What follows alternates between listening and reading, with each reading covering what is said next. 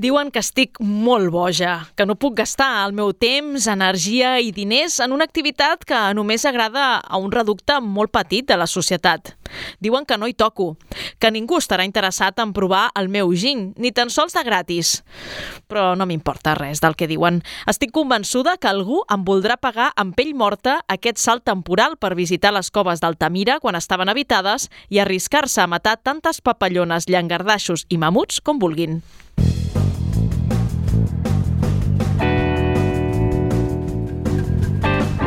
Quimèric, amb Karen Madrid. Benvinguts al Quimèric, un dels moments més vius en l'agenda del Fantàstic després de la tardor és finals de primavera i principis d'estiu i això es comença a notar perquè ja comencen a anunciar-se tots els certàmens que arribaran en les pròximes setmanes. Avui us n'avançarem dos, la tercera edició del Fanboy que arriba amb força, com ens explicarà el seu director Hugo Cobo, i la cinquena edició de la CatCon que descobrirem de la mà del president de la Societat Catalana de Ciència-Ficció i Fantasia, Eloi Puig. A la recomanació del Quimèric parlarem del Príncipe de la Calamitat Midà i escoltarem les seves il·lustradores Miriam Bonastre, Laia López i Sara Lozoya i l'autora Blanca Mira. També entrevistem les streamers Nerea Morón i Paula Reinon, o també conegudes com Nerània i Atlanta. I acabarem parlant de videojocs amb el Jordi Fuentes, Rockstar85 de Gaming.cat. És el que donarà de si el 19è quimèric d'aquesta setena temporada que fem possible amb l'Iker Mons i la Marina Tovella a la producció, la Clara González a les xarxes socials i el Toni González a les vies de so. Quimèric, androides, fantasmes i unicorns vomitant arcs de Sant Martí. Notícies del Fantàstic. Jo ja estic completament preparada per als festivals d'estiu i ja comencen a saber-se una mica els, els noms, els títols, els formats d'aquests festivals. Ja en tens ganes? En tinc ganes, en tinc ganes perquè voldrà dir que ja ha passat el pitjor a nivell informatiu, haurà passat la campanya Ostres, electoral sí. i podrem relaxar-nos, mirar cine de terror, gent desmembrada, assassinats... Um, Una mica de tot, coses no? És- fricades així en general i ens anirà molt bé. Sí, sobretot aprofitarem aquest estiu fantàstic per, quan no hi hagi res al fantàstic, poder gra- publicar coses. Exacte, és, és una mica és ens- l'objectiu de, de, de l'estiu, no? Uh, el primer certamen que ens arriba és el Fanboy, que arriba a la seva tercera edició del 8 a l'11 de juny i ho fa amb el leitmotiv The Road of the Curse. Bueno, en comença bé. O sigui, vamos a la maldició, no? Eh, tot molt bé, no? En aquesta tercera edició l'organització ho ha donat tot i s'ha volgut anar un pas més enllà que en les dues anteriors, com ens ha explicat el seu director, Hugo Cobo. Aquest any eh, se'ns ha anat la olla bastant. Com us podria dir? No, no, omple, no omplim quasi mai una sala i aquest any tindrem dos. O sigui que ens l'hem jugat. Eh, aquest any havien rebut tantes i tantes pel·lícules que ens sabia greu no, no posar més. I llavors vam tindre la idea de fer una sala B que serà... Bueno, el Fanboy es fa al Cinemes Can Castellet, que és un, és un multicenes petitó que està al centre de la ciutat, i a dos minuts està el Teatre Cal Niño, que és un teatre bastant alternatiu, i allà posarem el que seria la sala B, on posarem tota de pel·lícules una mica més arriscades, de baix pressupost, sèrie B, els curtmetratges, les dues sessions de curs les posarem allà. I, és, és, I serà una manera de que la secció oficial estigui als cinemes, on hi ha una qualitat millor de so i d'imatge, i el lloc on hi haurà més ambient serà, el, sens dubte, els, els teat el Teatre Cal Niño. Déu nhi eh? Sí, sí, L'Hugo sí. ha dit, mira, mira, jo sóc més valent que tu i, i amplio, no, no una sala, no, dos. Decisió, dos. decisió arriscada sabent que no omplint eh, les que ja tenen. No, no, i a no? més- Com, ja, com ho ha dit, no? Això va acompanyat també d'una ampliació de la programació i d'una programació atractiva i no hi faltaran premiers, per exemple. Tenim una estrena mundial, que és la pel·lícula The Choice, que és una pel·lícula russa.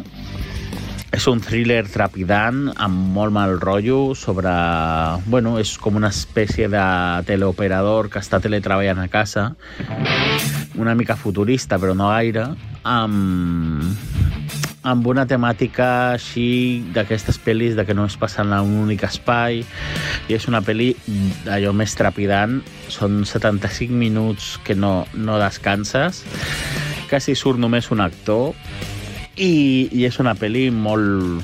és de les meves, de les meves favorites d'aquest any. Me la vaig veure... Encara falta que me l'envin ara amb, amb el so del tot retocat, però encara així em va flipar. Un teleoperador rus. Que ja A mi- comença bé, a un mi ja- teleoperador rus, Com bueno. a punt de partida no necessito res més ja. I Lugo també ens va explicar doncs, una altra de les pel·lícules que es podran veure. Tenim Happy Ending, que és una pel·li japonesa que s'estrena, em sembla que estrena d'Europa o d'Espanya. Encara no ho tinc que revisar bé. I és una, és una pel·li d'un dibuixant de manga que és acusat de plagi i el tio es, es suïcida i de cop i volta es troba que està dins del cos d'una noia i, i està com uns dies abans de que ell es suïcidi. Llavors és una història bastant rebuscada, no és la típica comèdia com de canvi de cuerpo, sinó que té, té, té un rotllo més com Wim Wenders o Frank Cappa de... Frank Cappa? Sí, de d'això, de d'aquestes pel·lícules de segones oportunitats i, i està, bastant, està bastant xula. Però espera, que n'hi ha més i m'encanta com les defineix Lugo. Tenim pel·lícules, anava a dir dolentes, però, eh, bueno, sí, podem dir que són molt dolentes. Eh, però de lo dolentes que són, són boníssimes, que són les, aquestes típiques pel·lícules que estan fetes així a drede de, de la sessió que farem el dissabte a la nit, que serà una doble sessió eh, que fem conjuntament amb el Berretina. Que ens, el Berretina creuarà el riu Llobregat per fer el, el Llobregat Connection i llavors posarem The Mask of the Devil, que és una pel·li molt esboixarrada sobre una noia que és el seu primer dia en un rodatge de, de porno i un dels elements de, de tretzo està maleït. I després la, la A-Team Miss Campbell, on juntem a gòtiques veganes amb canibalisme Aquesta l'he vista, aquesta la vaig veure, sí, sí. Bueno, a, a, aquesta ja m'ha enamorat, eh? Gòtiques i veganes. Sí, sí, sí, però a veure, qui no va veure pel·lis dolentes a alguns d'aquests festivals? Ja vas amb la intenció de trolejar, o sigui... No, és la norma, no? Clar. En tots els festivals de, de Amb cinema tots n'hi ha. hi ha d'haver una de fr- friki, absurda i esbojarrada. Quan només és una... Bueno. I a veure, que no falta, la majoria de festivals són curtmetratges, i aquí tampoc no serà l'excepció. Divendres a la nit tenim la sessió de curtmetratges del Sant Boi, on hi ha una selecció brutal de curts, on hi ha curts tant d'animació com de plastelina, com d'acció real, que amb molt de gore i, i molt, sobretot amb molt bon sentit de l'humor. I després el diumenge tenim la megamarató, que serà de 3 hores i quart, amb un descans entremig perquè la gent no li esclati la, la bufeta. I és una selecció de curs superxulos a nivell internacional, tant, tant de catalans com d'espanyols, com de com d'Europa, de Xina, n'hi ha un curs d'Eslovàquia, em sembla, n'hi ha una mica de tot. I durant el festival també s'entregarà el Premi Honorífic a Nerea Torrijos, que és la guanyadora del Goya Millor Vestuari per Aquelarre, i Sí. també ha estat nominada per Irati de, del Pol Urquijo, o sigui Mhm. que una persona Important. important. El programa sencer del Fanboy el podeu trobar al portal web del festival i sí que us podem dir que ja teniu a la venda els abonaments per 30 euros que inclouen els 4 dies del festival i l'accés a les dues sales i també ja s'estan venent les sessions individuals amb un preu de 5 euros per entrada.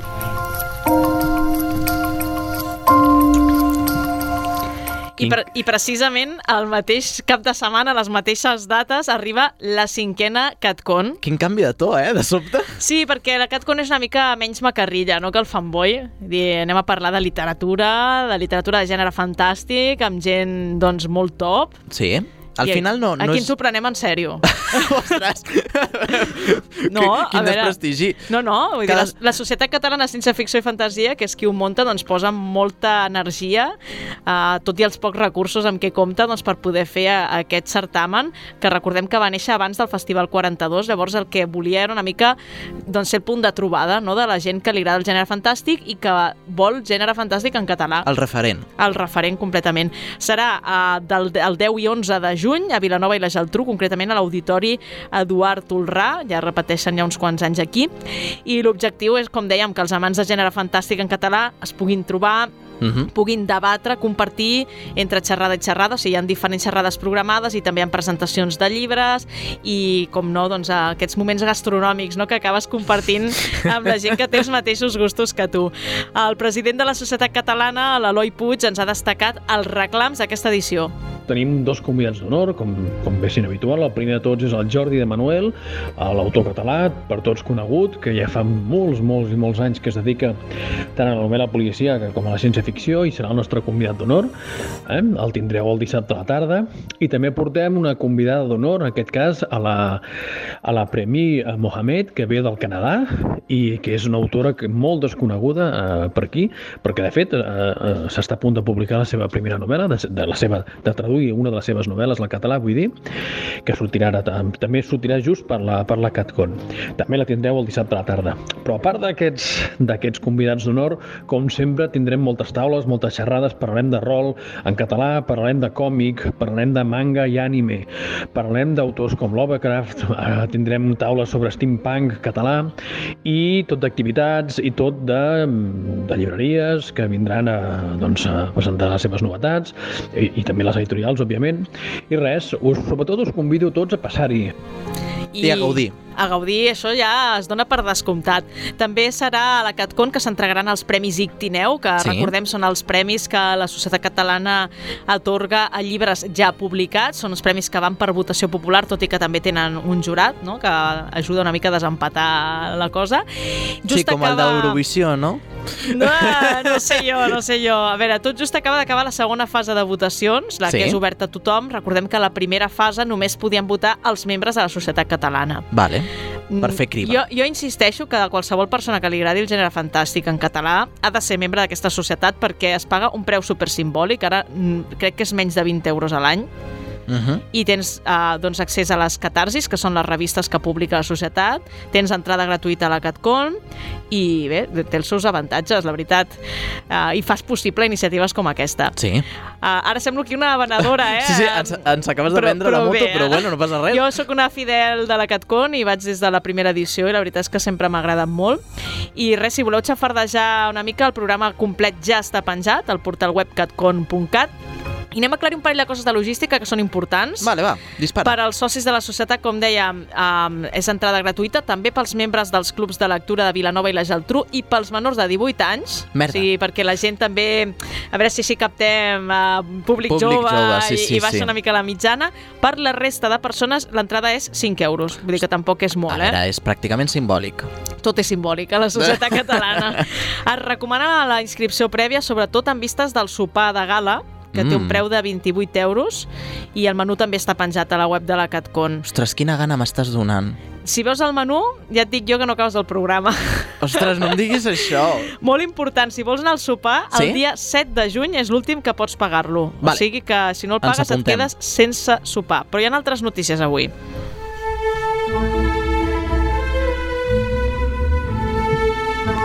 I és que l'editorial d'Una Llibres, sorgida de la fusió entre Maimés i Raig-Verd, l'ha tornat a liar. A veure, a veure. Sí, l'ha liat a veure, molt. què ha passat? L'ha liat moltíssim. Ho ha fet comprant els drets mundials del català de la trilogia del problema dels tres cossos Què de m'estàs- Cixin Liu. Hola, què m'estàs dient? Doncs sí. Sí. Doncs això m'ha sorprès de veritat, eh? No m'havia llegit el guió fins ara. Uh, a veure, ja, òbviament, quan ha saltat la notícia a les xarxes, doncs tothom ha sigut, ha doncs, toma mi dinero, saps? Vull dir, sí, sí. Per la gent que no conegui aquesta trilogia, el primer llibre es va publicar el 2006 en xinès, Sí. Aquí a Espanya, en castellà, va arribar el 2016. És una trilogia que fins ara només teníem en castellà, que s'ha fet ultraconeguda i personalment he llegit els dos primers, el tercer encara el tinc pendent i serà una bona oportunitat per llegir-lo directament en català i puc certificar que val molt la pena. Sí, perquè va ser, va ser un superventes, va ser una Sí. revolució pràcticament. Tracta uns temes que són molt interessants, a una ciència-ficció amb un prisma diferent, no? perquè des del punt de vista xinès doncs no, no estem gaire acostumats a llegir literatura de ciència-ficció xinesa i val molt la pena. Sí? I res, de fet, el vam recomanar al Quimèric de l'abril del 2019, Ui, o no- sigui que si... Oh, jo on estava en aquell moment? Doncs crec que tu vas entrar al setembre del 2019, amb la qual cosa Vaja. encara no... que consti que jo me l'he llegit. Jo, podria haver eh, Aportat, ha portat no? alguna cosa. Jo ara, per fer aquesta secció, he estat mirant el guió que tenia i m'ha fet recordar moltes coses del llibre que no recordava i m'ha donat moltes més ganes de, de comprar aquesta trilogia quan surti. Ho admeto, ho doncs ja admeto. està, ja... Uh, A veure, també hem de dir que l'editorial ha admès que aquesta compra de drets és molt agosarada perquè suposa traduir, atenció, més de 1.500 pàgines. Mare de Déu, senyor. I això hi cal sumar costos d'impressió, correcció, disseny. Clar, per una editorial petita, doncs, bueno, petita i independent, és molt I, difícil. I que a més ho fa amb cura. Perquè és Home, veritat, totes les serà, seves edicions serà una edició són... preciosa, vull dir que Exacte. això ja ho donem per descomptat. Per això, des de llu- d'una llibre s'han fet una crida als fans del Fantàstic perquè se subscriguin a l'aixeta per fer realitat aquest projecte. Al final és com si fessis una prevenda perquè tries quants diners vols aportar cada mes o si vols fer una aportació puntual a canvi de rebre un nombre determinat de llibres adaptat al que hagis pagat. Per exemple, per 12 euros al mes tens 6 llibres l'any. Oh! O pots fer una aportació puntual de dir, mira, m'interessa aquest llibre en concret, no? I dius, mira, jo vull a la trilogia, no? I aportes els diners en aquell moment. I és la manera d'assegurar que el projecte doncs, prosperi i no se'n vagi a pique. Doncs sí, Per tant, és, doncs és una bé. manera molt intel·ligent de fer-ho. Sí, sí. Jo crec que és l'única manera mateix Sí, a, a, nivell, a nivell econòmic i res, sí que hem vist que molta gent quan ha saltat a les xarxes ja han fet la seva carta als Reis i han demanat la traductora i han dit que sigui, sisplau, sisplau, sisplau, la mateixa que ha traduït l'home dels ulls compostos. Jo estic a favor, Subscrivim. ara mateix no recordo com es diu la pobra traductora, però és igual, jo estic completament a favor i, i pago el que faci falta.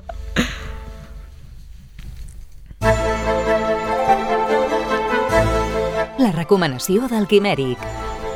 I toca parlar d'una recomanació que l'Iker tenia en cartera feia temps i deia vull parlar d'això, vull parlar d'això i, i crec que ha arribat el moment de parlar del príncipe de la calamitat, no? Ah, Em fa il·lusió perquè és la meva primera recomanació del Quimèric. A mi em fa il·lusió fer una recomanació al quimèric i poder-me relaxar i fer-te preguntes com sí? Ahà? Ahà. bueno, no et passis, eh? Jo he preparat un guió específic i molt ben dissenyat, veure, com explica- el príncipe de la calamitat. Explica'm com el vas conèixer, aquest llibre. Doncs va ser al Manga Barcelona, Mm. mm. que vam anar i uh, vam descobrir a les autores i eh, que és, eh, és la Blanca Mira, l'escriptora, i les tres il·lustradores, que és la Míriam Bonastre, la Laia López i la Sara Lozoya. Clar, de primera se'm va sorprendre, perquè dic, ostres, un llibre o un còmic o un llibre eh, il·lustrat, no?, per tres Mhm. persones. I després, l'autora. No? I mm, em va fer mm, sobtar no? aquesta, eh, aquesta combinació perquè, de fet, la... és, ar... és arriscada per part de Planeta Còmics eh, aquest príncipe de la calamitat perquè és no només un llibre de tapadura, sinó una novel·la i Mm. també un còmic. Intercala aquest... Eh... Estèticament sembla un còmic, clar, si, si la un- mires ràpid, diguéssim. Sí, fa un matxembrat estrany, no? però funciona i està molt bé. Però, clar... Com de- es tria? O sigui, la, les escenes que estan dibuixades formen part de... O sigui, les has llegit amb text o no? O és com una escena extra de... És una escena extra. Uh -huh.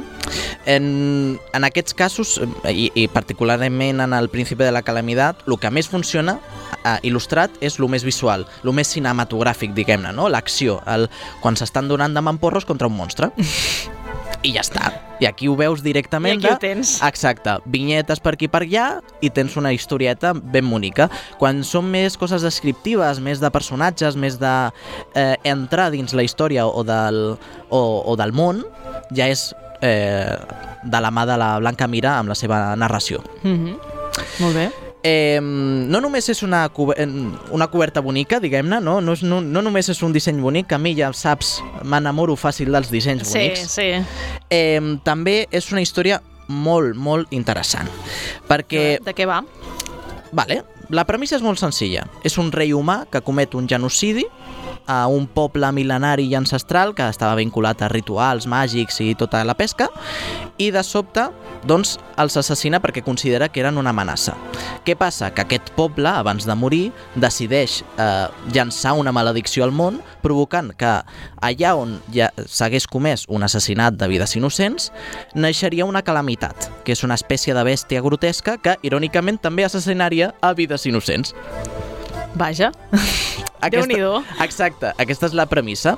És un, tot i ser una obra juvenil, la història és bastant cruel. En, en què em refereixo? En què, a, a més, el dibuix es nota molt.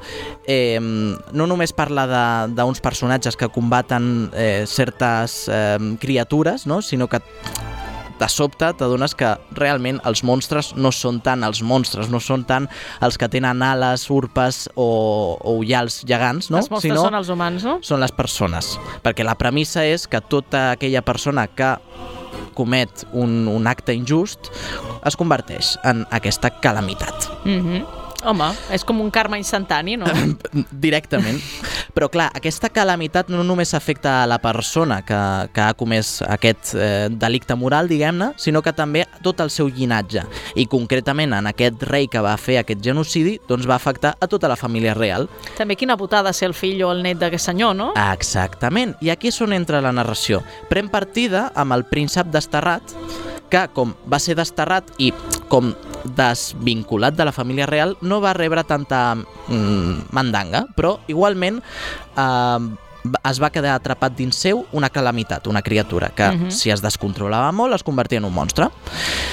Però clar, aquest, eh, aquest personatge eh, s'enfronta a un món bastant difícil i confós per intentar trobar la manera de desfer-se d'aquesta calamitat. No per ell, perquè ell ja ho sap controlar, sinó per la seva germana. La, ge- la seva germana petita que efectivament també ha super, eh, sofert les conseqüències del seu pare. Bé, bé. La cosa promet, eh? Exacte. Que a més hi ha, hi ha bastanta xitxa, no? Eh, sí, sí, sí.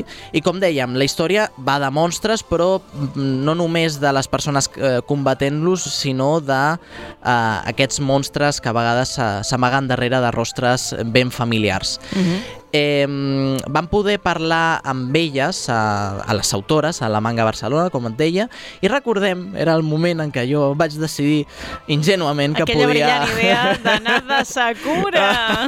I clar, et pots imaginar el despropòsit de eh, entrevista que va ser aquella, perquè jo... Despropòsit que... Sí, sí, sí, sí. Meravellosa devia no, no. ser. Jo vaig decidir enfrontar-me en aquella en- entrevista perquè jo ja havia dit de fer-la. I clar, era l'últim dia, jo estava esgotat i jo vaig dir, mira, lo siento mucho. La Clara va fent que sí amb el cap, eh? I vaig en començar a treure'm cons. eh? Ah, sí, sí, va- vaig treure'm la perruca. Vas fer un vaig... striptease? Totalment. I vaig quedar-me només amb el vestit. Ah, I van Bé. fer l'entrevista. perquè el vestit no te la podies treure, no? No, no. Ah, llavors sí que estaríem patint i l'organització Ficòmic no em deixaria entrar mai més a la manga No Barcelona. volem això. Ni No? tu ni el programa. Efectivament, perquè ens nutreix. Sí, sí. Total, que vam eh, parlar del principi de la calamitat. Però en Mm. aquell moment jo no m'havia llegit eh, el còmic. Normal, l'acabaves de comprar. Exactament. Per tant, jo em vaig eh, decantar per fer-los l'entrevista sobre el fet més curiós de, de l'obra, que és realment eh, com, Aquesta relació, no? com es fa aquesta relació de tres il·lustradores, una autora, si és molt difícil, si no... I justament és el que vam poder escoltar de l'escriptora Blanca Mira i les tres il·lustradores, Míriam Bonastre, Laia López i Sara Lozoya. L'entrevista. Bienvenidas al Quimeri. ¿Cómo empezó esta historia? ¿Cómo, ¿Cómo os reunís todas y de repente os proponen este proyecto? Bueno, más que reunirnos, nos lo propusieron. O sea, a mí personalmente me vinieron ya con el proyecto. Me dijeron, hay este proyecto y hay estas dibujantas. ¿Quieres unirte? Y yo, sí, sí. O sea, no tengo mucho más que contar. Yo ilusionadísima desde el día uno, ya estaba casi todo montado y me uní sin dudar. Yo un poco igual que Miriam, a mí no me dijeron en un principio quiénes eran las ilustradoras, solo me contaron que iba a ser un guion escrito por Blanca Mira, me dijeron un poquito la sinopsis, ya me atrajo y yo pues no iba a pecar y dije, ¿quiénes son las otras dos ilustradoras? Me dijeron Laia López y Miriam y yo, venga, desde, ah, ya que voy, de cabeza. O sea, si es que no dudé, no dudé, supongo que con Laia igual, ¿no? Sí, la verdad, a mí como Miriam me dijeron, mira, está este proyecto, tendrás que hacer tantas ilustraciones y será un proyecto conjunto con Blanca como autora y estas dos ilustradoras, Sara y Miriam. A lo mejor asumieron que todas diríamos que sí. Claro, A mí me dijeron Miriam Monastre y Sara Lozoya y dije, pues quizá vosotras dos fuisteis las primeras y nosotras dos como a la vez, qué peculiar. Vosotras dos tenéis muchísimo caché. Ya solo con los seguidores que tenéis, a lo mejor es un poquito más inaccesible acceder a vosotras que a lo mejor a Blanca y a mí. No lo sé, entonces a mí ya me propusieron el, el guion y yo dije sí. Y luego, eh, ¿quiénes son además las otras dos ilustradoras? Y tardaron y ya cuando me confirmaron que erais vosotras, dije, hombre, por supuesto, ¿cómo voy a decir que no? Pues a mí me dijeron algo en plan, estamos preparando algo súper gordo. Queremos este tipo de historia. Y es que da la casualidad de que tenía una historia así que ya les quería presentar para otra cosa. Pero no me atreví. Entonces, cuando me dijeron, quiero esta historia, digo, y era lo que querían. Y ya luego fueron destapándose los interrogantes. Dijeron, pues las ilustradoras van a ser tal. Y yo, vale, ¿en qué me estoy metiendo? Pero súper bien. Claro, empezaron conmigo a discutir, ¿qué crees que debería hacer cada una? Y yo, madre mía, espérate, escriba la historia y lo, y lo vemos. Porque la tenía en la cabeza, pero no la tenía escrita. Entonces, fue muy. Lo vi, lo vi rápido, la verdad porque Miriam mm, los cookies, los niños y todo eso los dibuja súper bien y ya fue como Miriam el pasado. Y luego ya con Sara y Laia lo estuvimos discutiendo entre todos para que quedase todo con ellas cómodas, sobre todo a, la hora de trabajar. Y luego aparte que lo hicieron genial. Bueno, me callo, que siempre estoy diciendo cosas buenas. Eh, ¿Fue fácil este tándem? Normalmente eh, entre ilustrador y, escritor o se llevan muy bien o se llevan muy mal. ¿Fue fácil en este caso? ¿Hubo un buen tándem? Yo creo que sí, ¿no? Yo creo que en general ha ido muy fluido. Simplemente nos, nos pasaron el guion y enseguida incluso Alexandra dijo que habíamos captado los personajes muy rápido.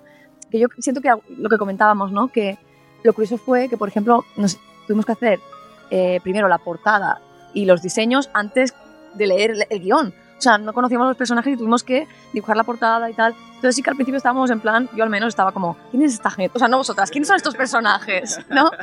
¿Quiénes son estos personajes? Por favor, Blanca, explícame. ¿Este chico sonríe o es un rancio? Y sí, o sea, pero sí como mucho, mm, era muy accesible Blanca en el sentido que yo si necesitaba, tenía alguna duda, sabía que podía acceder a ella y decirle, oye, ¿esto cómo va? ¿Esto porque es así? Y mm. enseguida ella estaba, me respondía al minuto, es que sí, sí, y mil explicaciones y todo muy bien. Sí, es que a ver, ha sido eso. Una cosa buena que hemos tenido, creo yo, ha sido tener varias charlas durante sesiones de Skype o incluso el grupo de WhatsApp. Eh, todo fangirleo, gritos, cada vez que subía alguien algo o gritos a Blanca en plan de ¿por qué has hecho esto, bicha? Pero bicha, bicha, sí, sí. Pero, pero sí, todo súper guay. Era pues una relación bastante informal en este sentido y el trabajo ha ido pues como la seda creo yo. Mm, confirmar todo lo que habéis dicho. O sea, literalmente me acuerdo que, que, hubo muy buena relación desde un principio y además, al menos en mi caso, en cuanto al feedback que me dabas, no tuve que cambiar apenas nada. O sea, a la primera todo le gustaba yo, jolín, qué guay, ¿no? Qué ilusión. Pero en general súper bien. Y bueno, luego los grupos de WhatsApp también. Nosotros tenemos uno que lo hice yo, que es Artistas Estresadas, porque me acuerdo que al principio era como, vale, a ver, para no spamear, porque habían cosas que digo, es que les vamos a spamear WhatsApp de forma que digo, no hace falta. Y dije, vamos a hacer este grupo para organizarnos, a ver cómo hacemos, sobre todo la portada, que era, vale, ¿qué hacemos y tal? que el tema del feedback tuyo, de los cambios, me, me dio la sensación a veces que te sabía como mal hacerme cambiar cosas. Y yo, pero me decías, lo siento, lo siento, lo siento. Y yo, tía, que no, que, que es tu historia, que como te la has imaginado, la quiero dibujar tal cual. Y a veces me sabía mal, en plan, por tía, le sabe mal decirme que algo lo he hecho mal, ¿sabes? Yo también lo confirmo porque a veces te mandaba algo de que era boceto todavía no estaba ni terminado y tú decías, ay, aquí añádele no sé qué, tal, cámbialo. Y te disculpabas muchísimo yo, pero es justo para eso los bocetos, o sea, cambio lo que me digas, como si lo tengo que volver a hacer, no pasa nada. A ver, empezando por eso, porque yo creo que todos, todos tenéis un nivelazo, ya era muy fácil que a la primera me gustasen las cosas, porque ya era como que parecía que estábamos en la misma onda, todo el rato salía todo bien, pero aparte yo creo que también nos, nos hemos llevado también porque nos admiramos las unas a las otras un montón, entonces es como que había mucho respeto y yo por eso cuando había que cambiarlo, a lo mejor por capricho mío o a lo mejor por capricho del guion, que muchas veces decías que tiene que ser así por el guion, pues sí me sabía mal, la verdad. Aparte de Mm, de, que te diese pena que cambiásemos cosas, yo recuerdo un fallo, entre comillas, que, que tuve, que le conté antes en la charla, y es que dibujé a June, una de las protagonistas que sale ahí en la portada, con la espada en la mano equivocada. Y tú fuiste súper buena conmigo porque me dijiste, no te preocupes, voy a hacer que sea ambidiestra. Entonces, claro, y ya está, ya se soluciona. Y ha pasado ese personaje de ser un poquito torpe al principio, ahora ser una espada china ambidiestra Así que ha tenido incluso una evolución gracias a ti. No, hombre, yo me equivoqué en ese sentido y tú hiciste, no te preocupes, vamos a darle una vuelta más a este personaje y va a tener una capa más y va a ser más chulo. Justo de eso quería hablar, de preguntaros, vosotras como ilustradoras habéis metido mano de ciertos personajes, ciertas descripciones, decir, pues voy a añadir esto, a ver si le gusta o proponerles, "Eh, veo que estás sintiendo, yo creo que sí. Yo les dije que por favor les hicieran suyos también, porque yo lo que no quería era como toda la historia, todos los personajes, todo mío, no. Yo quería que ellos, ellas se sintieran como que estaban haciendo algo suyo también, le pusieran sus detalles, sus cosas, la verdad. Lo habéis hecho muy parecido a como yo quería, si no por decir igual. Pero, pero aparte yo creo que sí, a ver, que hablen ellas. A ver, yo por ejemplo recuerdo que en el diseño de personajes de Cyril, en el boceto que me que hiciste de referencia, me recordaba mucho a los personajes de Genshin Impact de Zhongli y Ayato. Entonces, en mi cabeza yo ya tenía estos dos y dije, voy a hacer un mix y a ver si le gusta. Y de, bueno, ¿os gustó? Y dije yo, pues encantadísima.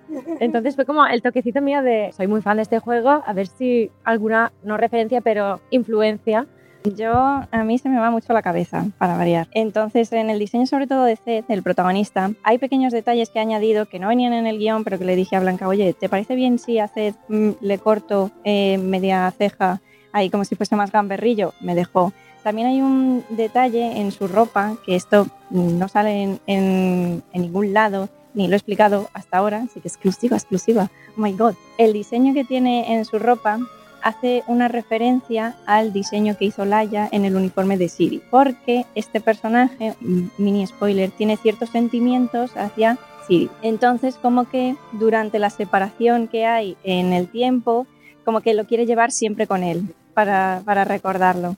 Y es algo que no está explícito, pero bueno, que me pareció que estaba guay añadirlo. Y es un plan, un easter egg. Claro, yo es que lo que hice yo, ellas diseñaron los personajes, varios se los repartieron, y yo solo hago las partes, bueno, solo, mi, mi parte de la historia son los flashbacks, cuando son chiquitos. Entonces, mi diseño fue a partir del de ellas y hacerlos en mini, con uniformes de cole. Entonces, no sé, creo que lo único que así que ah, me dijiste, ah, pues sí, fue que no le hice las mechas a Tess en la cabeza, que dije, esto le salió por X cosa, ¿no?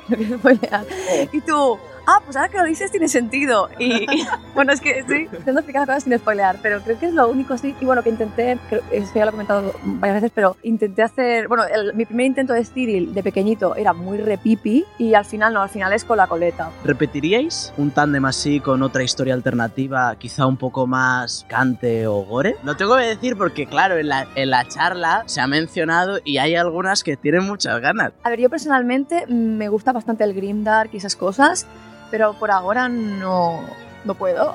Porque, o sea, es que mi público es muy joven, entonces yo por ahora voy a hacer cosas fantasía más light, más alegre, que también me gusta mucho porque yo siempre he crecido viendo mucho shoujo, muchas magical girls, muchas cosas así, entonces también me gusta mucho. Pero en un futuro lejano, cuando mis primeras obras estén en el olvido, pues haré Grimdark.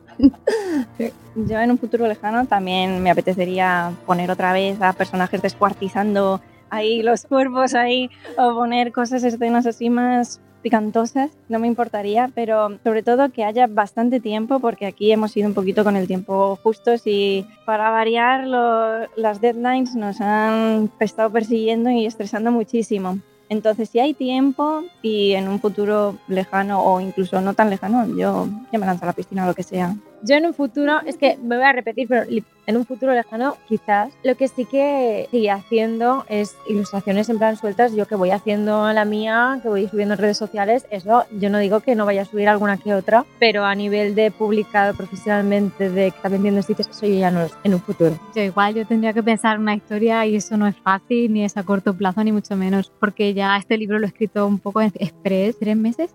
Fue brutal, me ha dado mucha pena también no poderle dedicar más tiempo, entonces si hubiera otro proyecto en este plan, pues sí necesitaría un poquito más de tiempo y que quede algo muy chulo otra vez. Si no pasa eso, pues no. Eh, ¿Quiero hacerlo o no hacerlo? O sea, y entonces por eso no teníais el guion cuando empezasteis con los diseños, porque no había terminado. Ni siquiera tenía claro que, que fuera a salir bien. Era como muy caótico todo para mí. Me acuerdo que estábamos esperando para empezar y, y que tú y Alexandra decíais, sí, bueno, Alexandra dijo, sí, sí, en, en una semana o dos, no sé qué, y yo, "Pe- pe- pe- ¿cómo? o sea, pero y además acabamos de empezar, por eso que digo, lo hiciste en súper poco tiempo, tres meses, Dios mío, una calamidad. Con ese tiempo ¿Crees que te has dejado cosas que te gustaría en ese tintero trasladar en, en una segunda historia? No es solo a nivel de tener poco tiempo, sino a nivel de tener poco espacio. Porque me dijeron que 180 páginas o así al principio y era como, ¿qué? ¿Cómo voy a escribir, contar una historia de otro mundo en eso? Tenía muy poco espacio. Pero con todas esas limitaciones, yo me quedo contenta porque creo que, que, como que se cuenta lo que quiero contar, lo más importante por lo menos, y no se hace pesado de leer. Entonces, en ese sentido, casi que la limitación me vino está bien, porque yo me enrollo muchísimo. Y bueno, la cabeza para segundas historias y spin-off siempre funciona. Pero ya, por eso, tendría que ser hacer un um, borrador y si funciona ya, en todo caso, pensar algo de ir a más allá, pero no, en principio ahora mismo no tengo más ideas. Se acabaron todas ahí. Quimèric s'emet des del districte 13.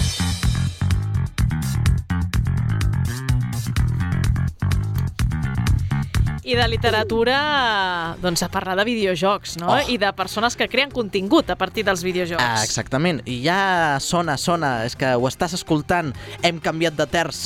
Completament, ja estàs això és ballant, de... la cadira es Ai, quina mou molt. fantasia! Perdó, m'he emocionat. doncs, concretament parlarem de les autores, d'aquelles jugadores que s'enfronten a un context majoritàriament masculí. Sí, perquè el sector dels videojocs tots sabem que està super masculinitzat fins l'extrem que s'han hagut de fer certàmens específics no? perquè les dones puguin jugar tranquil·les no? I, i en el món de la creació ja ni entrem, no? Exacte. Sobretot perquè, um, com ja podràs saber, al món dels videojocs t'insulten per respirar. Bàsicament. És un món molt troll, sí. Sí, però a més, si ets una dona, acabes um, com amb una muntanya de, de, de crítiques i d'insults. Només per ser dona. Exacte, perquè Clàssic. es considera que no mm, saben jugar a videojocs. Y yo, con perdón, soy un, un manco en los videojuegos y, y a mí no me dicen crec nada. que jugar en videojocs depèn de les hores que, que dediquis i segur, segur que hi ha dones que dediquen moltes hores als videojocs igual, Home, i igual tant. que homes. I sobretot les eh, dues dones que van poder entrevistar a eh, la Tarra Comanga eh, d'aquest any, no? Van poder parlar amb la Nerea Moron i la, Laura Rey, eh, i la Paula Reynon sobre la seva afició als videojocs i com van decidir difondre el, el contingut eh, a internet i amagant-se molts cops darrere dels seus usuaris de Nera, Nerània i Atlanta. Però també escoltarem les seves vivències en un context com eh, són els videojocs que, com dèiem, t'insulten per respirar, t'insulten per qualsevol cosa.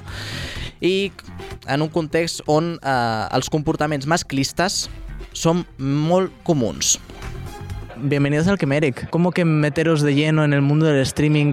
¿Cómo- ¿Cómo nace esto? ¿Cómo, cómo surge? Pues tiempos duros, cuarentena, aburrimiento a saco. Eh, era como que pues todo el mundo se comunicaba pues vía Discord y a mí siempre me ha gustado mucho hablar, comunicar y pues siento que soy una persona que tiene mucho que decir. Entonces me recomendaron meterme en Twitch y me puse al principio a jugar, pero luego descubrí que estaba el Just Chatting, que es solo charla y ahí dije, venga, esto es mi sitio, esto es mi lugar y, y hablando con todo el mundo pues descubrí algo que me llena como persona. ¿Y es tu caso también? Yo conocí Twitch por ella.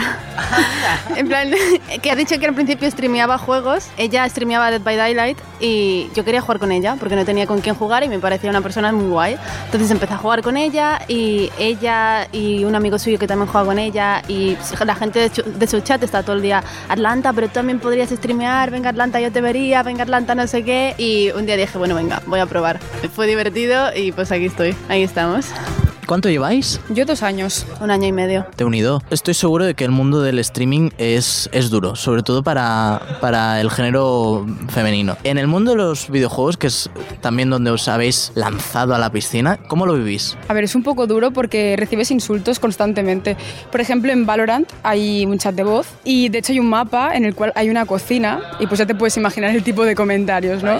Siempre me han dicho comentarios como, por ejemplo, vete a la cocina, usa el cuchillo que lleva el personaje para cocinar y cosas así. Y es como, yo soy una jugadora más y creo que probablemente no tienes que decirme estas cosas porque soy, soy un igual a ti. Si, si esas personas no supieran que eras una mujer, eh, ¿te tratarían con respeto? Es decir, ¿os escondéis detrás de vuestros nicknames? Sí y no. O sea, siempre está porque la típica coña de- del Valorant y del LOL que suele pasar mucho es el hecho de que los tíos lleven nicks de, de chica, ¿sabes? Entonces muchas veces yo en el Valorant me llamo Piolín y pues muchas veces se piensan que soy un tío. Pero en el momento en el que hablas, hablas por el chat de voz para dar información de cualquier cosa, ahí es como que ya la cagas, ¿sabes? Porque a la que juegues mal te va a caer todo el chaparrón encima. Porque hay mucha parte de la comunidad que es muy mala. Sí que hay gente que es muy maja, porque las cosas como son, hay gente que es muy maja y que si juegas y aportas y no te tal, no te van a decir nunca nada, pero sí que tiene ese porcentaje de gente que dices, te escuchan y automáticamente te tachan. Da igual el elo, da igual cómo juegues, da igual, eres mujer, no sirves para los videojuegos. Y en el League of Legends también pasa lo mismo. Es decir, aquí no hay chat de voz, pero también te, te pueden llegar a identificar como una mujer y recibir toda esa carga de odio. A mí, por ejemplo, no me ha pasado porque yo me llamo el Michisaurio en los videojuegos, entonces ahí ya a la imaginación de cada uno. Pero yo he visto situaciones en las que pues se pasan mucho solo por el nick. En plan, el LOL sí que es más de me la juego a saber si es mujer o no, ¿sabes? Porque es como, ¿ves? Por ejemplo- Por ejemplo, yo en el Valorant soy Piolín, pero en el LOL soy Atlanta. Es más fácil que digas Atlanta es una mujer que no Piolín, ¿sabes? Entonces, sí que en el LOL ha pasado alguna vez de jugar mal porque tengo mal internet o porque simplemente tengo un mal día y es como, buah, Atlanta, seguro que es una mujer, vete a la cocina, ¿sabes? O, ¿se pueden decir tacos? Eres una hija de puta, cosas así, ¿sabes? Solo por fallar una habilidad. Que dices, perdón, Que esto le pasa a un hombre y no le pasa nada. Es decir, yo he jugado League of Legends y he sido el peor jugador de la historia en muchas ocasiones. No ha pasado nada. En este tipo de juegos existe una progresión. Cuanto mejor jugador eres, a mayor rango asciendes. Cuanto mayor es el rango, más son los insultos. Hay una relación.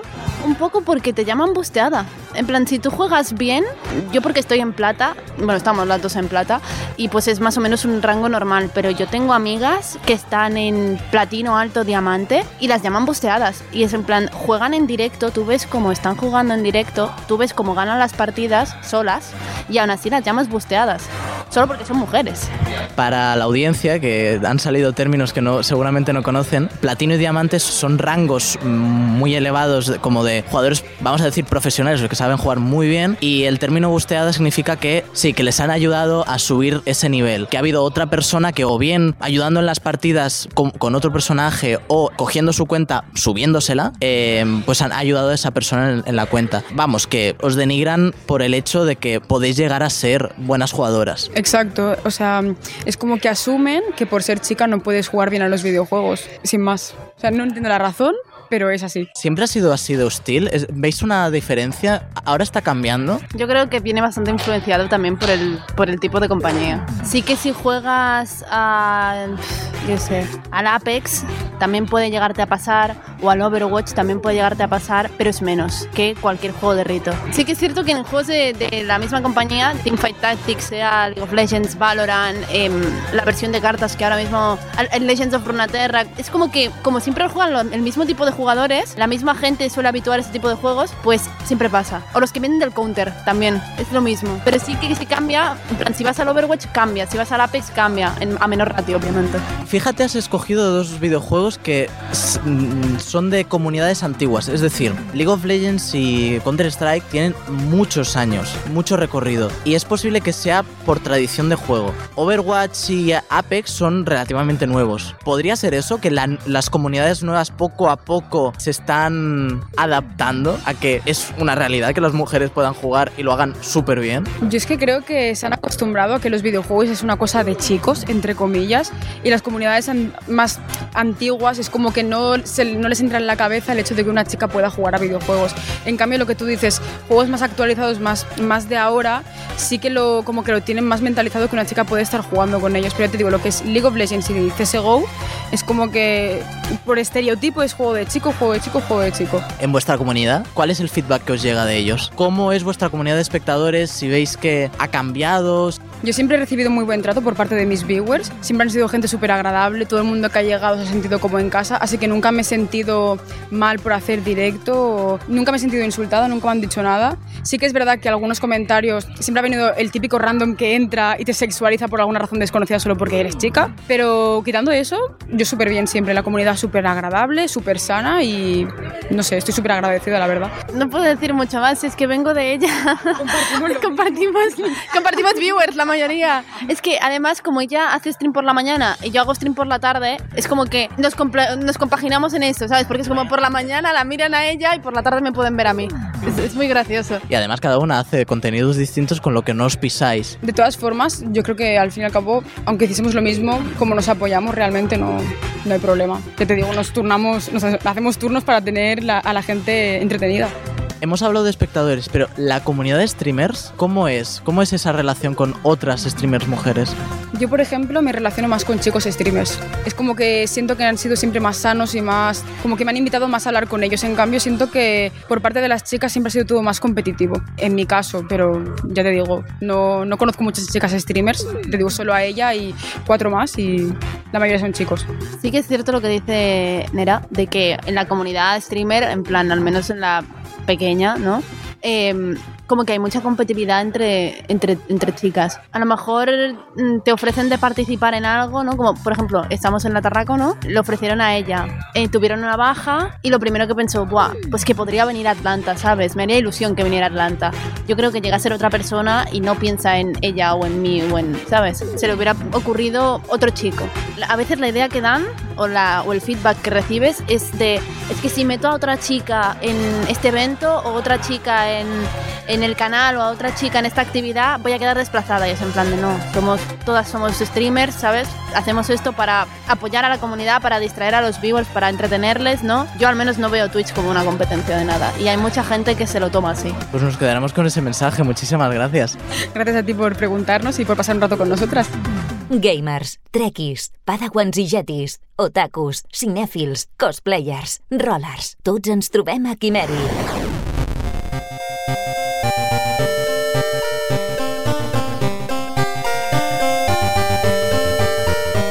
I no deixem de parlar de videojocs perquè és moment per recomanacions de la mà del Jordi, del Rockstar 85 del Gaming.cat, aquesta plataforma de difusió de videojocs que, a més, em consta que, Jordi, has demanat ajuda també a altres comunitats, no?, per preparar aquesta secció d'avui.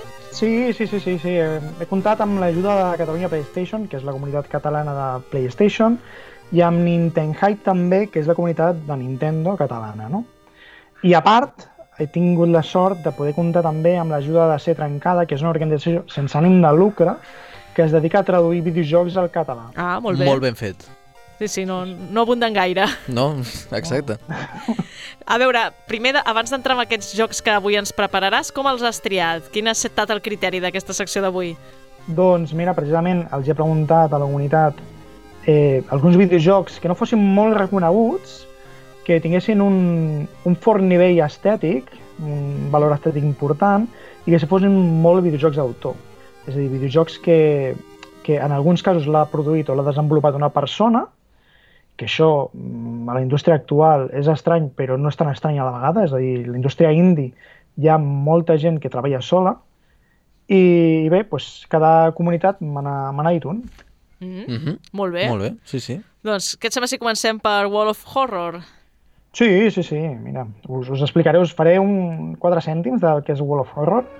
És un videojoc que té una estètica d'aquesta d'un K, dels microordinadors de l'època de l'MSX, de l'Spectrum o l'Amstrad, que té un estil, un caire artístic com les obres del mangaka de Junji Ito, que és aquest autor que ens va fer Uzumaki, Tomi, Soichi, que són uns mangas pues, molt particulars, un estil molt particular de, de terror, de, de por, no? amb una línia molt fina, en blanc i negre, i que actualment podeu veure algun dels seus episodis doncs, a Netflix o a Crunchyroll. I també han agafat una mica l'estela no? d'aquest eh, d'aquest terror còsmic no? que va fer Lovecraft, Mm -hmm. com per exemple pues, la crida de Tulu o l'horror de Danwich. No? Ja ens podem Ah. imaginar que aquest videojoc no, no serà Un passeig. fàcil. No, no, exacte, serà desagradable, poder. Sí, té, té, uns, bueno, té un rotllo que, és, que encarna molt la- la- l'obra no? de, de Junji Ito i que són com molt recargolats, un, un, o sigui, un, la línia molt fina, també un pixel art, no? que és aquests dibuixos fets a l'antiga, no? De fet, està fet amb Microsoft Paint, que, que bueno, déu-n'hi-do, és una tela Paint? això. Amb Paint? Amb Paint, amb Paint. Sí, sí, sí, sí, sí. I està tot en blanc i negre, que és la gràcia del joc. I aleshores, amb aquest joc, doncs, eh, estem en un, una espècie de, de ciutat de Japó, que és Shiokawa, no? i ens trobem en un món que està tot buit, no? que està tots els apartaments, els hospitals, les classes, tot està tancat i buit, i aleshores hi ha com uns fenòmens no? que ataquen a la nostra cordura. És un videojoc que està basat en, en com si fos un JRPG per turns, no? un Mhm. RPG d'aquest de, de turns, i que a més té aquest caire roquelite que és tan actual, no? que és això de que mors i tornes a començar des de zero, Mm. però tenint adquirit pues, l'experiència que hem adquirit fins al dia d'avui. I està guai, és molt maco, és una bona recomanació, de fet. Així que, si no el coneixeu, li podeu fer un tas, si us agraden els jocs de por, doncs podeu tirar per aquí. Clar, no sé quantes hores requereix aquest joc també per posar-te al dia, diguéssim. No sé si és un joc que pots agafar una tarda i posar-te a jugar o és d'aquests videojocs que també necessites un cert bagatge per poder avançar en la història. Jo crec que li has de fotre bastanta canya, eh? Li has de donar canya per, per tirar per aquí, eh? És que és important també tenir-ho en compte, eh? Per si hem de començar. Sí, sí, sí, sí, sí, sí. sí. I té tota la pinta de ser un tipus narratiu més eh, profund.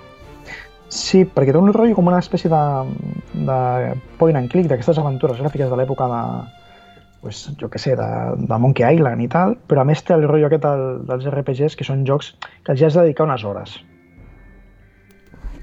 Vale.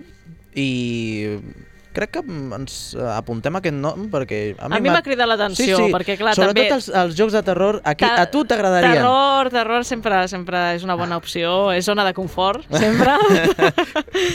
doncs què, saltem de, de, de videojoc? Sí, sí, Sí? sí? endavant. Sí.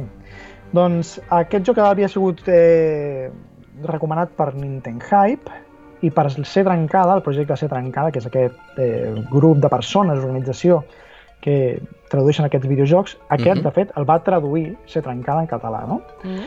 Um, cal dir que no és un mod, sinó que és una traducció literal, original per l'obra. val?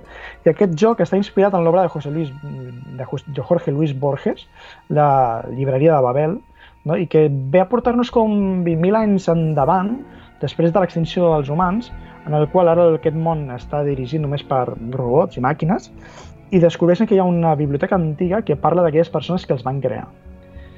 En el joc eh, és molt maco, té una, com un estil molt maco de digital, però a la vegada sembla com pintat a mà. Dibuixat, sí. Sí, no? Un, redibuixat així xulo i que ens transporta molt a les típic estil uh, que va fer Eric Chahi amb el flashback a, a, a l'Amiga o a PCs de l'època o Mega Drive o Super Nintendo, no?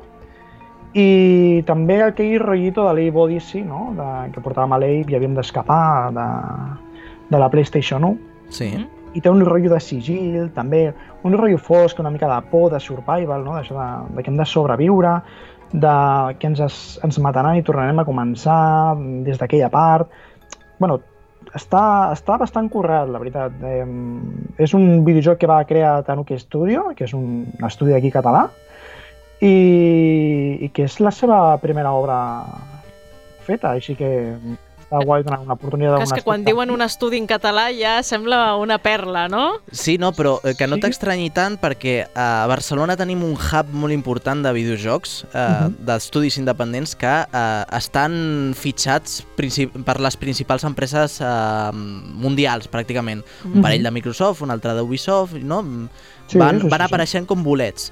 I concretament, a, a, si em permets, a Tanuki Game Studios els hi van fer una entrevista que, que mm, vam poder venir, els vam conèixer a la Tarracomanga d'aquest, eh, la primera edició i, i vam fer un primer tastet a, amb la gent no? de, del videojoc i jo el vaig ju- jugar i de fet sí, sí, és, és complicat, mi- és però complex. mira que és màgic que torni aquest videojoc en forma de recomanació per part d'altres plataformes, no? Vol dir que, que aquest videojoc val la pena. Sí, sí, sí. Sí, sí. Un videojoc narratiu en 2D, amb- com així dibuixat a mà, molt bonic. Sí, sí. Interessant, una bona, una bona aposta. Tu, Jordi, si ja l'has jugat, què destacaries més? O sigui, que, a qui pot agradar més aquest videojoc? Jo és que vinc de la rama de l'art. Mm. I vinc de la branca de l'art i, a més, eh, tot això que és molt artístic i, i que té un caire personal, doncs em crida molt l'atenció. Mm. I aleshores, quan me'l van recomanar des de... Bueno, ells, vaig dir, ostres, pues, està guai, no? I a més la història també és un, és un factor per mi molt important, no? O sigui, quan penso en un videojoc m'agrada que tingui a dia d'avui, no? Una bona narrativa i sobretot un potent art, no? Mm. que a vegades és com que sí, pensem en els gràfics no, d'un videojoc, però els gràfics no ho són tot. I que tingui un estil artístic propi, personal, crec que és molt Home, doncs seria el punt fort, no? Sí, sí. Coses que no trobem amb, amb, amb altres videojocs així més de, de grans cadenes, no? Perquè ens entenguem. I aquest que és molt contemplatiu, no? Crec que seria aquesta la paraula, no? De, mm, entres i t'has d'immersir, no? T'has de, de, de fusionar amb el videojoc.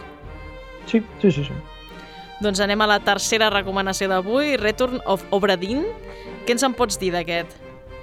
Doncs aquest en el seu moment em va cridar molt l'atenció perquè sí que és veritat que és un joc petit, entre cometes, un joc indie, està desenvolupat per una persona, però aquest, aquest joc, doncs, al final, doncs, ha arribat a ser un, un gran famós dels indis, no un abanderat dels indis. Va guanyar un Video Game Awards, que són els premis que serien com els Oscars a nivell de videojocs, no? Mm. I també va guanyar un BAFTA, la mateixa categoria, com a millor, millor direcció artística. Uh -huh. Aleshores, aquest joc és un, és un portent narratiu i, i artístic també peculiar, no? Artístic perquè és semblant al que dèiem abans, no? És un joc d'aquests que seria com d'un megabyte, no? D'aquests jocs doncs, amb pixel art, eh, que es veuen com si fossin microordinadors, com la Game Boy, no? de fet té un color monocromàtic molt semblant a la Game Boy. Uh -huh. Rotllo retro, no? Sí, Sí, correcte. Blanc i I negre, eh? Ens, ens visualitzem així, que és aquest color. Sí, sí, sí, sí. Bueno, seria més verd, no? Aquell recordar que era verd. És, és veritat, coi, clar, Sí. no, te- tens tota la raó, sí, sí, sí. I bueno, és, és tan famós perquè a més ha arribat també a totes les, les plataformes. O sigui, ho tenim per Mac, ho tenim per, per Windows, per Xbox, per PlayStation, per Switch, ho tenim per totes bandes. I per PC, per També. descomptat. Sí, sí, sí, sí, sí, sí. I el joc, en aquest cas, doncs, transporta el 1807 a on portem a un, un treballador de les assegurances de la companyia de les Índies Orientals i apareix un, va, un vaixell que era Obra Dinn, que portava molt temps desaparegut i aleshores apareix amb tots els seus navegants morts. Ah. O I desapareguts. Sí, desapareguts, correcte. Aleshores hem de, hem de descobrir què ha passat exactament. No, perquè apareix llavors el vaixell sense ningú, eh? Exacte. Mm. I Correcte, t'envien allà i, bueno, haz lo tuyo, investiga. Clar, a veure, a mi quan has dit d'assegurances, el glamour se m'ha anat per l'aigüera, però de- sort que, sort que ho has arreglat amb això del vaixell de morts, perquè si no, dius, ostres, quin personatge, no? Llavors, què és? eh, Has d'anar recopilant una mica informació, pistes, com funciona? Aquí hi ha un component molt interessant que, bueno, ho, ho comentaràs ara, però, eh, si em permets... No, no, fes, fes, tranquil. El, el senyor, la persona de l'assegurança que arriba allà al vaixell té una eina per poder um, descobrir el que està passant, que és un, un, un objecte, un, crec que és una brújula, mm, poder, Sí, sí, sí, sí, sí. sí. que eh, li permet eh, veure el passat o el moment exacte en què va morir aquella persona. Ah, interessant I això per- també, eh? Partim d'un primer cadàver i anem estirant del fil, i del fil, del fil, fins a arribar a la resta. Bé, bé, bé. Interessa. Sí? Sí, sí. Sí, sí, sí, no, no, no tinc res a dir, ho has explicat perfectament. o sigui, això es diu memento mortem i, i és això, és com una espècie de, de brúixola o rellotge de butxaca, no? que, que ens fa tirar cap enrere no? i poder descobrir no? I, i què ha passat exactament amb els morts no? o amb els primers cadàvers aquests que ens trobem. Està molt guai, és com un joc d'aquests que s'ha posat molt de moda com els Walking Simulators, un joc una mica de desenvolupar la història i tal, i és molt interessant i té una banda sonora que està bastant, bastant maca, bastant orquestrada i tal, el qual també és l'estem sentint de fons, no? Molt tètrica. Sí. A mi em fa pensar una mica en aquelles aventures gràfiques, l'ambientació, eh? Aquelles aventures gràfiques dels anys 90, no? Una mica de... Doncs no, no aniries mal, eh, mal encaminada. Però no tant aventura gràfica, sinó més eh, del el descobrir alguna, algun misteri. Sí, a mi, quan ho vaig veure en un principi, em va recordar un, un joc d'aquests que eren com aventures gràfiques, com tu dius, però el Mist, que eren uns jocs que eren com aventures gràfiques però una mica peculiars, un estil molt propi també, que viatjaves per una illa i anaves fent com trencaclosques i tal. I té aquest, aquest estil que és curioset, sí.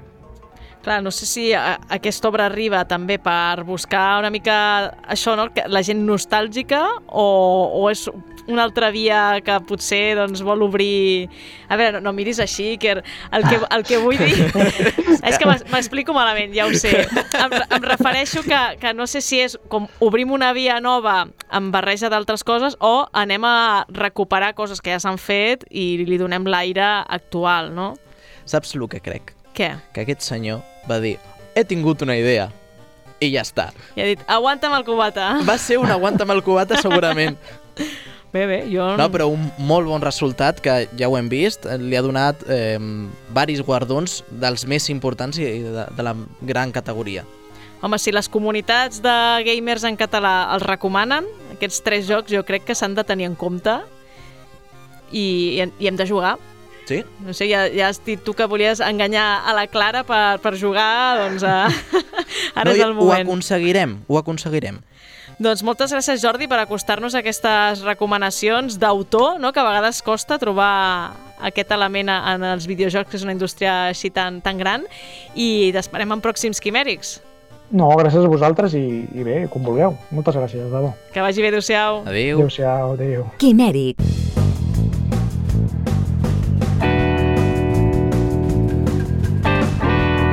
Fins aquí el quimèric d'aquesta setmana on hem tractat multitud de temes i us hem avançat futurs festivals. Tornem d'aquí 15 dies abordant diferents maneres de plasmar l'horror en la literatura. Entrevistarem amb el Guillem López, autor d'Arxipèlag, entre d'altres, i la Inés Galiano, de Proyecto Ketchup. No us ho perdeu, que vagi bé.